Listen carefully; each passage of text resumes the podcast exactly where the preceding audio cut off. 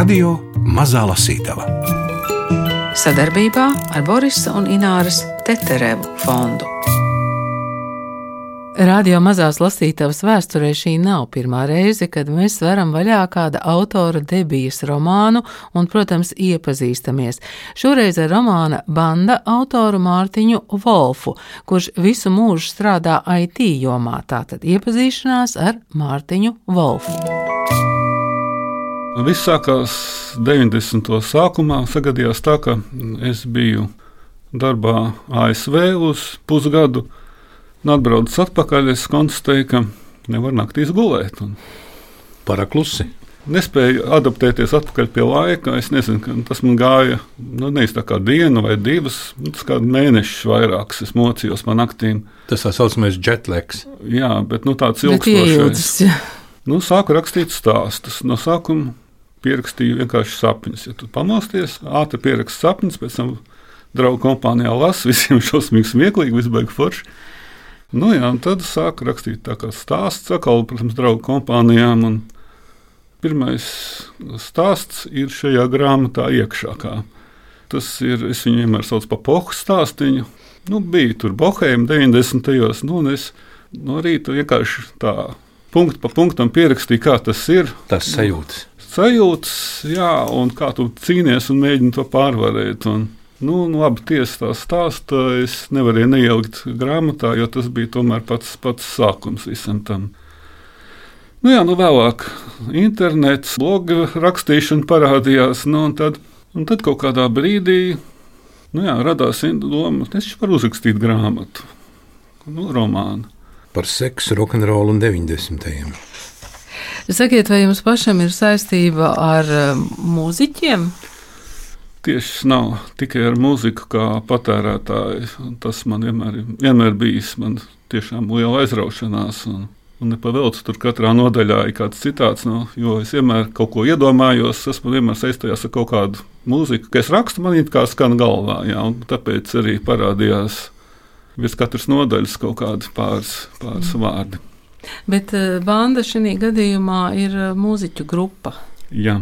Nu, tad man jums jautājums, vai starp jūsu draugiem ir bijuši vai ir mūziķi? Jā, nu, ir viens otrs, protams, jā, bet nu, ne tā, ka, ka es būtu draugs kādiem izciliem māksliniekiem. Es uh, iedevu grāmatu izlasīt mūsu mūzikas redaktoram un džēza pazinēju Mansim Pavasarim. Es viņam jautāju, vai varbūt viņš pēkšņi atpazīst uh, kādus uh, konkrētus mūziķus. Viņš man teica, jā, Beatles. Jā, nu, visa ideja ir nu, varoņu vārdi. Jānis tas ir Džons, Pauls tas ir Pauls, Juris, protams, Džordžs. Nu, labi, Ričards Starkīs un palika par Riču, nu, nu Ringo. Jā. Nu, es gribēju to romānu uzrakstīt par tēmatu Beatles bet ar laimīgām beigām. Jā, tas bija tas stāsts. Nebeidzās ar to, ka viņi izjūka un aiziet katrs uz savu pusi un nekad vairs nu, nekad.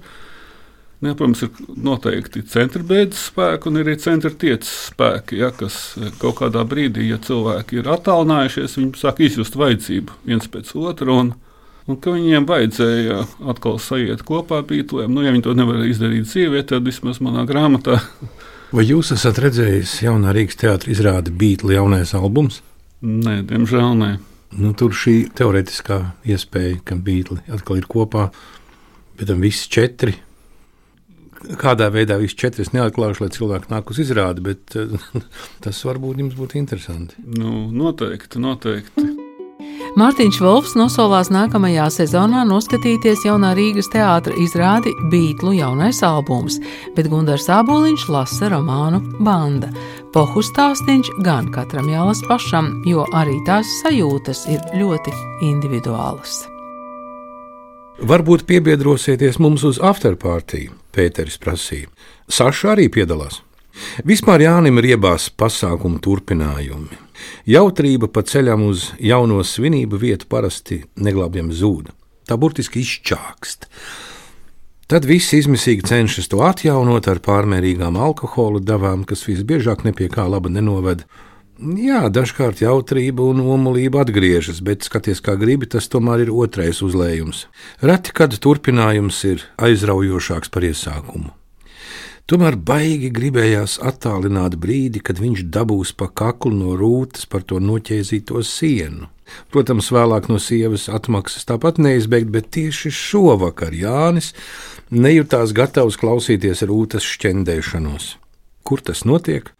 Pēters nosauca adresi Blaumaņielā, un Jāņa vēlme piekrist tikai pieņēmās spēkā, jo tas bija pavisam netālu no mājām. Nevajadzēs meklēt transportu vai kā tam līdzīgi izpildīties. Es braucu izņemt lienīti. Rūta sausi noteica, kad Jānis paziņoja par savu nodomu. Tu vari darīt, kā zini. Jānis gara acīm iedomājās scēnu, kā visi trīs pārrodas mājās, un Rūta ierauga noķēpāto sienu. Nē, tikai ne to, ne šodien. Labāk nogaidīt, līdz pirmās dusmas sievai būs jau noskrējušas. Tad droši vien būs vieglāk tikt ar tām galā. Lienīti taču rūta neuzdrošināsies lamāt. Es tikai uz pusstundiņu, un tad tūliņ būšu mājās. Dari, kā zini, rūta atcirta un iekāpa taksī viena. Ar skaļiem saucieniem turpins metinās, Ilgdzīvotāji sakāpa vairākos taksometros, lai dotos pie Pētera. Jānis viņiem nepiebiedrojās, viņam gribējās paieties kājām, nebija jau nemaz tik tālu. Turklāt tā bija lieliska iespēja mazliet pavēdināt galvu pēc tām mērijām. Jā, nemaz tik bieži nav būts vecrīgā pēdējā laikā, prātoja Jānis, maldoties pa šaurajām ieliņām. Šī brīža vecpilsētu nevarēja ne salīdzināt ar to, kādu viņš to atcerējās no bērnības. Tad viss bija pelēks un nošņurcis, pa kaļķene kursēja trolēbusi, galīga bezjēdzība. Tagad visās iespējamās vietās bija ārā kafejnīcas un plastmasas galdiņi, pie kuriem neskaitāmi cilvēki baudīja jauko māju vakaru. Pavasaris! Jā, cik sasodīti īsts laiks brīdis bija nepieciešams, lai Rīga atjāktos no krieva laika murgu un no jauna uzplauktu. Gluži kā ūdeni atzēries zieds. Protams, bija arī lietas, kas krita uz nerviem. Kaut vai šī pati kazino reklāma, pārlaimīgi spēlmaņi un mazliet letarģiska paskata krupjē meitene, kas izdāļā naudu gluži kā kasieri. Pāris komjaunatnes aparatčiku bija manīgi noprivatizējuši kinoteātri un pārvērtuši to par spēļu elli. Jānis nevarēja ciest tādus darboņus, lai gan viņi vismaz kaut ko darīja. Daudz ļaunāka bija reketieri, kas kā blaktis bija piesūkušies visu veidu biznesiem. Jānis atcerējās nesen dzirdētu stāstu, kā daži skūtgalvi ielauzušies Soros fonda telpās un prasījuši, kur Soros. Laikam domāja, ka ir paslēpies kādā skapī.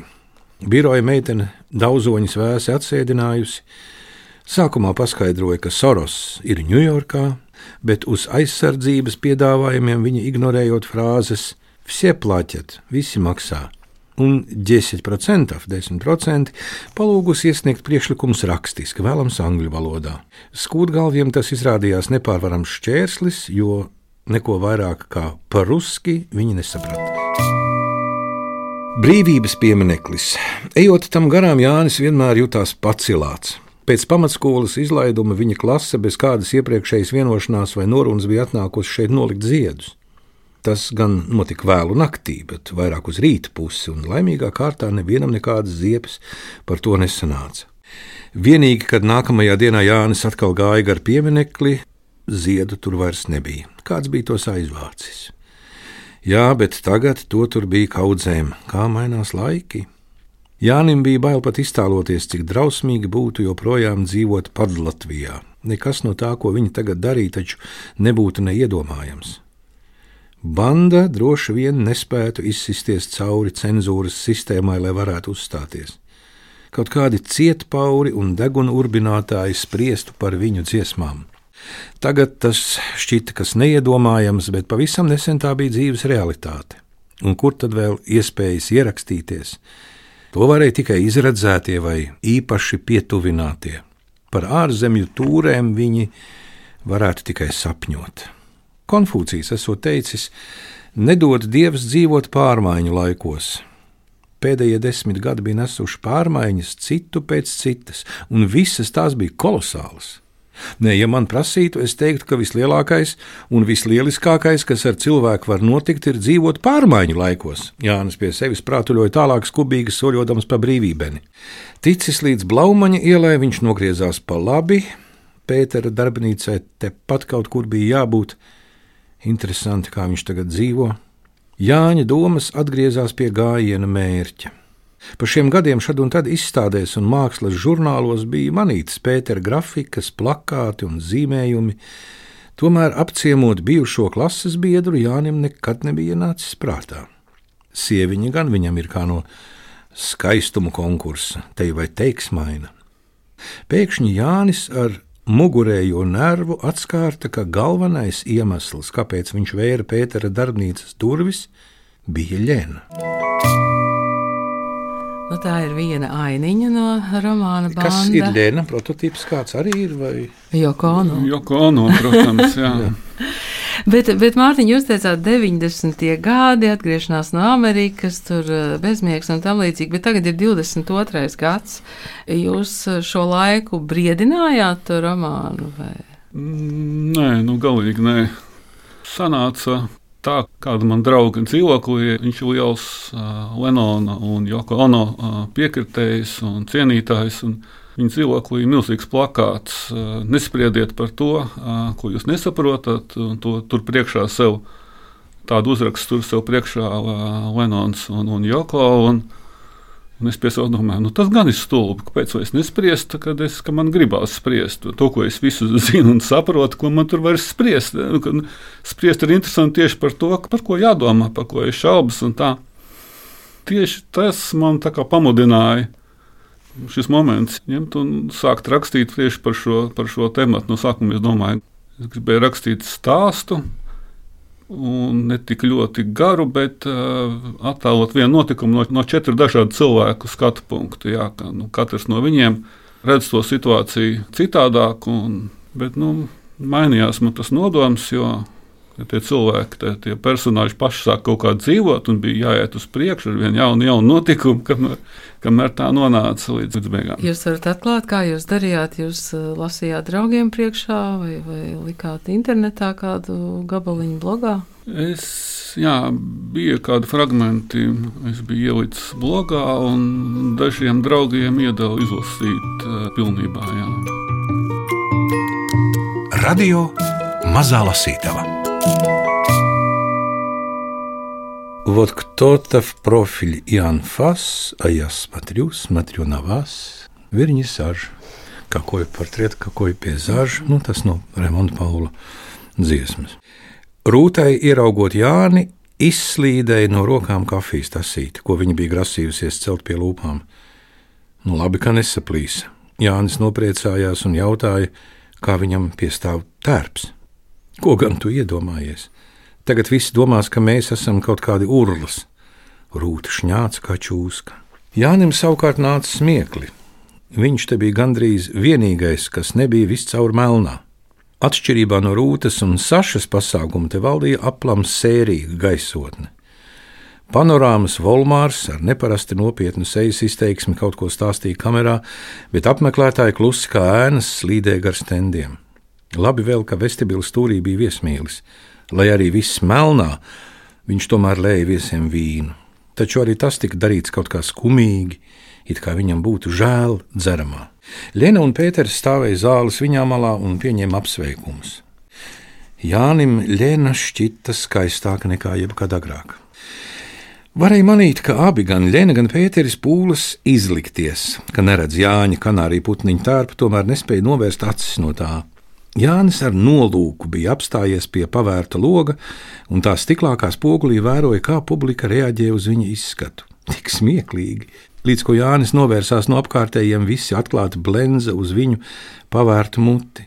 Ko līdz viņš atkal pagriezās pret publiku, ļaudis tūlīt izlikās pētām mākslu. Jānis to atkārtoja vairākas reizes, tik ļoti viņam bija iepatikusies šī rotaļa. Lēna acīm redzot, gaidīja, ka viņš tuvosies, bet Jānis nolēma mākslinieci nedaudz pakacināt. Viņš nevis gāja sasveicināties, bet sāka apskatīt darbus. Vispār uzstādījums avangarda māksla Jāni nedaudz biedēja. Bērnībā papus mēdza viņu vadīt uz mākslas izstādēm, kur brektes, akvareļi, kalnrozes, piņķi vai vēl tur kāda gleznas. Jānim patika gluži labi. Bet, kad patrāpījās samudrīti darbi, kuru autori uzdevās par avangardistiem, Jānis jutās nenormāli aizkaitināts. Viņš nevis apbrīnoja autora svaigo domu un redzējumu, bet pie sevis šausminājās, kā zeme tādus vispār nes. Ja nemāki glaznotēji mālēt sienas, krāsotāji taču tik ļoti trūkst ja var ticēt darba sludinājumiem. Jānis daudz negudrojot izstāstīja tēvam, ko viņš domā par avangardu mākslā, bet tas atbildes vietā tikai nosmīnēja par dēla kategoriskajiem spriedumiem un neko neteica. Līdz ar to nebija iespējams izzināt, ko papus patiesībā domāja. Tomēr Jānim šķita, ka tēvs turas pie tāda paša viedokļa, jo reiz bija dzirdējis savu radītāju par džēza avangardu izsakāmies aptuveni šādi. Tagad ir modē mest sasaldētu zivi uz klavieru stīgām un saukt ojē, jē, jē, un tas skaitās modernais džess. Jānim toreiz tas šķita bezgala smieklīgi. Viņš iztēlojās klavierēs samestas sasaldētas zivis un smējās kā kutināts. Viņš pētīja izstādi un nekādi nespēja saprast, kur gan ir atnācis. Kaut kādas apzīmētas lapeles, un dīvainas instalācijas, ko veidoja sazina no kādas miskastes izvejoti priekšmeti. Darbi bija visdažādākie, bet, godīgi sakot, tie visi šķita nejēdzīgi. Jānis neviļus atcerējās lienītes daļradi ar apgleznoto sienu. Tā bija krietni interesantāka un iespaidīgāka. Lienītē pilnīgi noteikti iekšā bija vairāk nekā ļenai. Varbūt visi bērni noteiktā vecumā ir mākslinieki. Nē, visi ne. Jānis atsaucas atmiņā, kā pats bērnu dārznieka vecumā bija mocījies ar krāsām. Arī skolā zīmēšana viņam diezgan nepadevās. Foršs likās tikai video milzīgā televizorā. Tā bija melnbalta filma, kurā rādīja, kā Lena veido ģipsiju. Pareizāk sakot, nevis veido, bet gan saķēza savu melno triko tērpu ar balto ģipšu masu. Mākslinieks paņēma ķieģelim līdzīgu ģipša masas gabalu, ko visādi spaidījis sev pie krūtīm vēdera un braucīgi ar ciskām.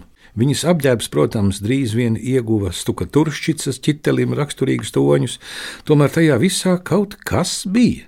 Lienas skaistais augums šķita protestējam pret brutālo ķēzīšanos.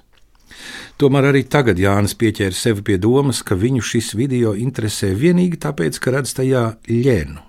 Citādi viņš neveltītu tam nemirkli. Jānis nezināja, kā rīkoties.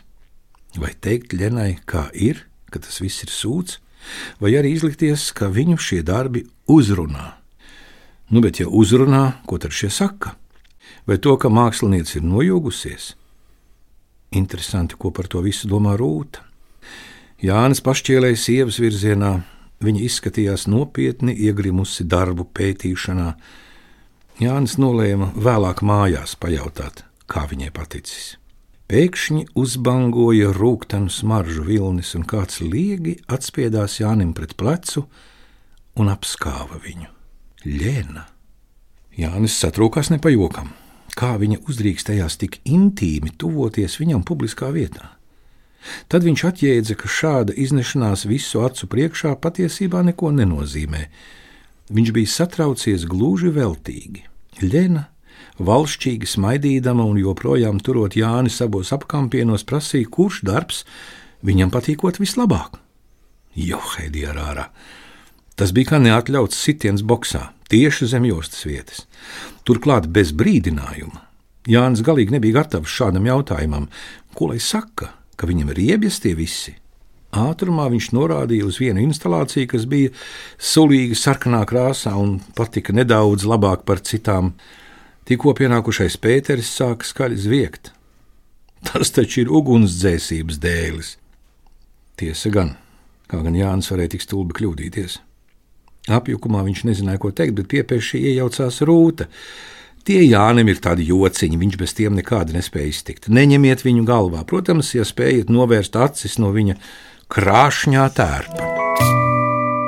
Tā epizode ar izstādi, kurā nogriež to bizi, Tev ir kāds um, nu, tāds notikums reālajā dzīvē pamatā? Tā ir kompilācija. Tās ir no trim No no trim dažādiem dažādiem, ja? notikumiem, kas ir salikti kopā. Tajā konkrētā izstādē, tā tā vienā bija, kad viņa cilvēkam noskuja matus uz nulīti. Bija nogriezis viens cits uh, mākslinieks un eksponēja to mākslas izstādē.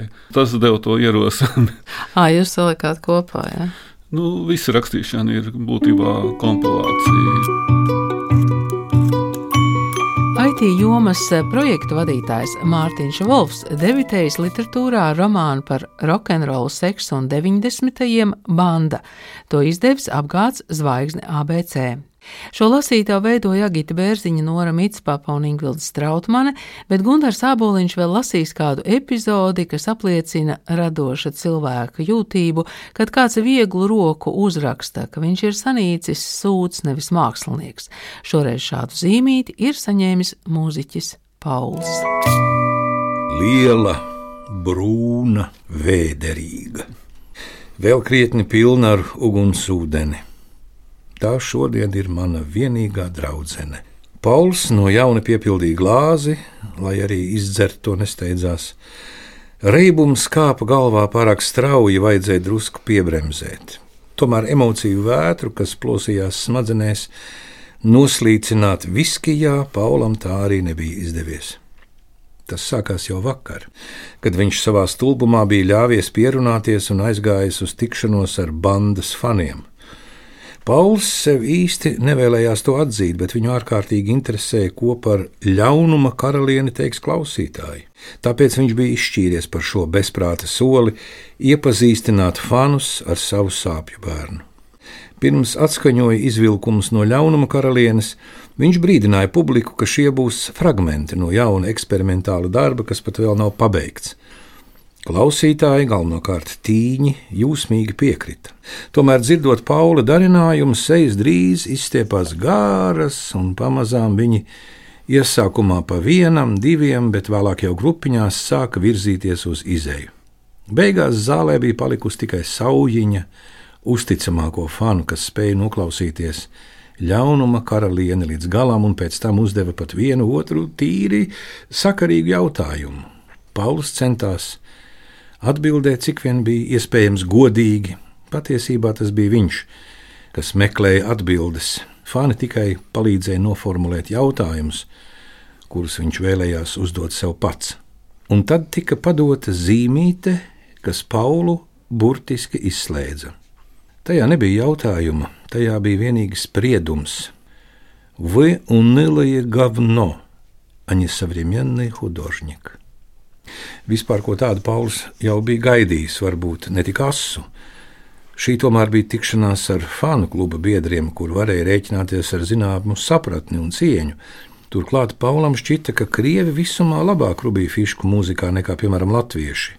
Viņi kaut kā intuitīvi spēja uztvert dziesmas būtību par spīti visādiem blakus apstākļiem, piemēram, skaņas kvalitātei un tam līdzīgi, bet tagad viņš bija saņēmis šādu verdiktu. Vai tas būtu jāuztver kā absolūta patiesība? Izlasījis zīmīt, Pauls brīdi drūmi vērās zālē, pretī sēdošie izskatījās diezgan baisi. Ādas jakas, skrandaini džinsi, baigās pačenes. Nosacīti godīgie fani un fanes zāli jau sen bija pametuši. Zīmītas autors tagad noteikti vēroja, kāda būs Paula reakcija. Vai nolasīt to skaļi, vai kāds atzīsies, ka ir to rakstījis, un ja arī atzīsies, ko tas mainīs? Eh, pie vēlna viņus visus. Paulam piepeši viss bija noriebies.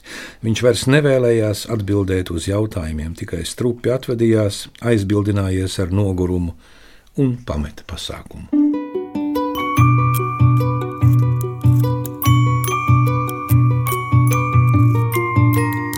Radio Mazā Lasītava. Sadarbībā ar Borisa un Ināras Teterevu fondu.